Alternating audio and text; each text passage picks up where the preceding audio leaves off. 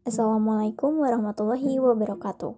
Halo semuanya, balik lagi nih sama saya Isfadila Nur Azhara dengan NIM 2004197 kelas 4B Program Studi Ilmu Ekonomi dan Keuangan Islam Fakultas Pendidikan Ekonomi dan Bisnis Universitas Pendidikan Indonesia.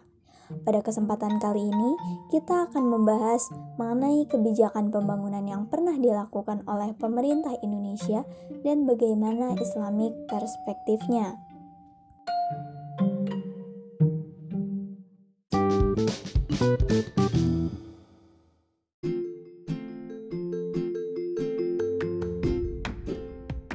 Seperti yang telah kita semua ketahui, bahwasanya wabah COVID-19 memaksa semua negara untuk merevisi perencanaan pembangunan mereka.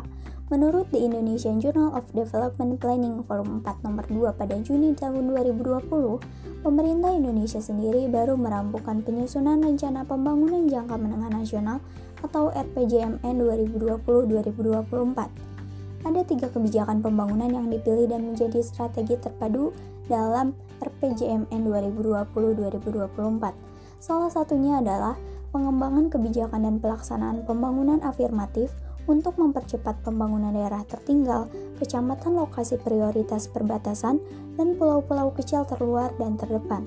Pola afirmatif diarahkan untuk perluasan akses pelayanan dasar pendidikan dan kesehatan, penyediaan sarana dan prasarana perumahan, air bersih dan sanitasi, listrik, peningkatan konektivitas dan pengembangan jaringan telekomunikasi dan informasi sebagai basis ekonomi digital, juga perluasan kerjasama dan kemitraan dalam investasi, promosi, pemasaran, dan perdagangan.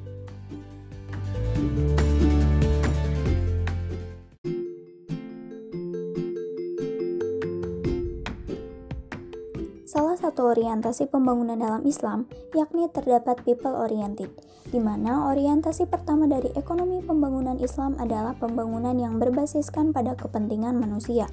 Dalam prosesnya, pembangunan dilakukan oleh manusia dan ditujukan untuk kebaikan manusia itu sendiri.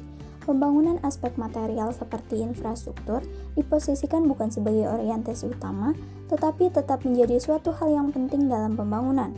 Pembangunan infrastruktur yang baik dapat diartikan sebagai pembangunan infrastruktur yang berorientasi untuk kebaikan manusia.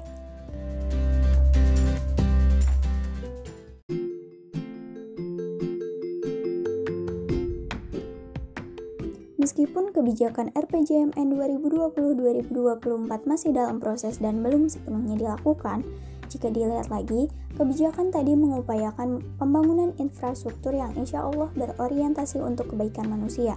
Dan Hal tersebut berarti mementingkan kepentingan manusia.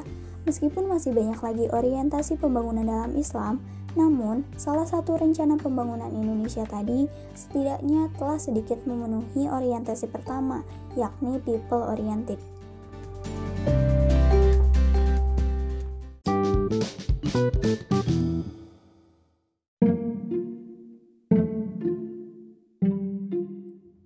Mungkin segitu aja dulu pembahasan mengenai kebijakan pembangunan yang pernah dilakukan di Indonesia beserta perspektif Islamnya. Semoga bermanfaat ya.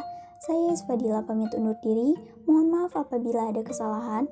Wassalamualaikum warahmatullahi wabarakatuh.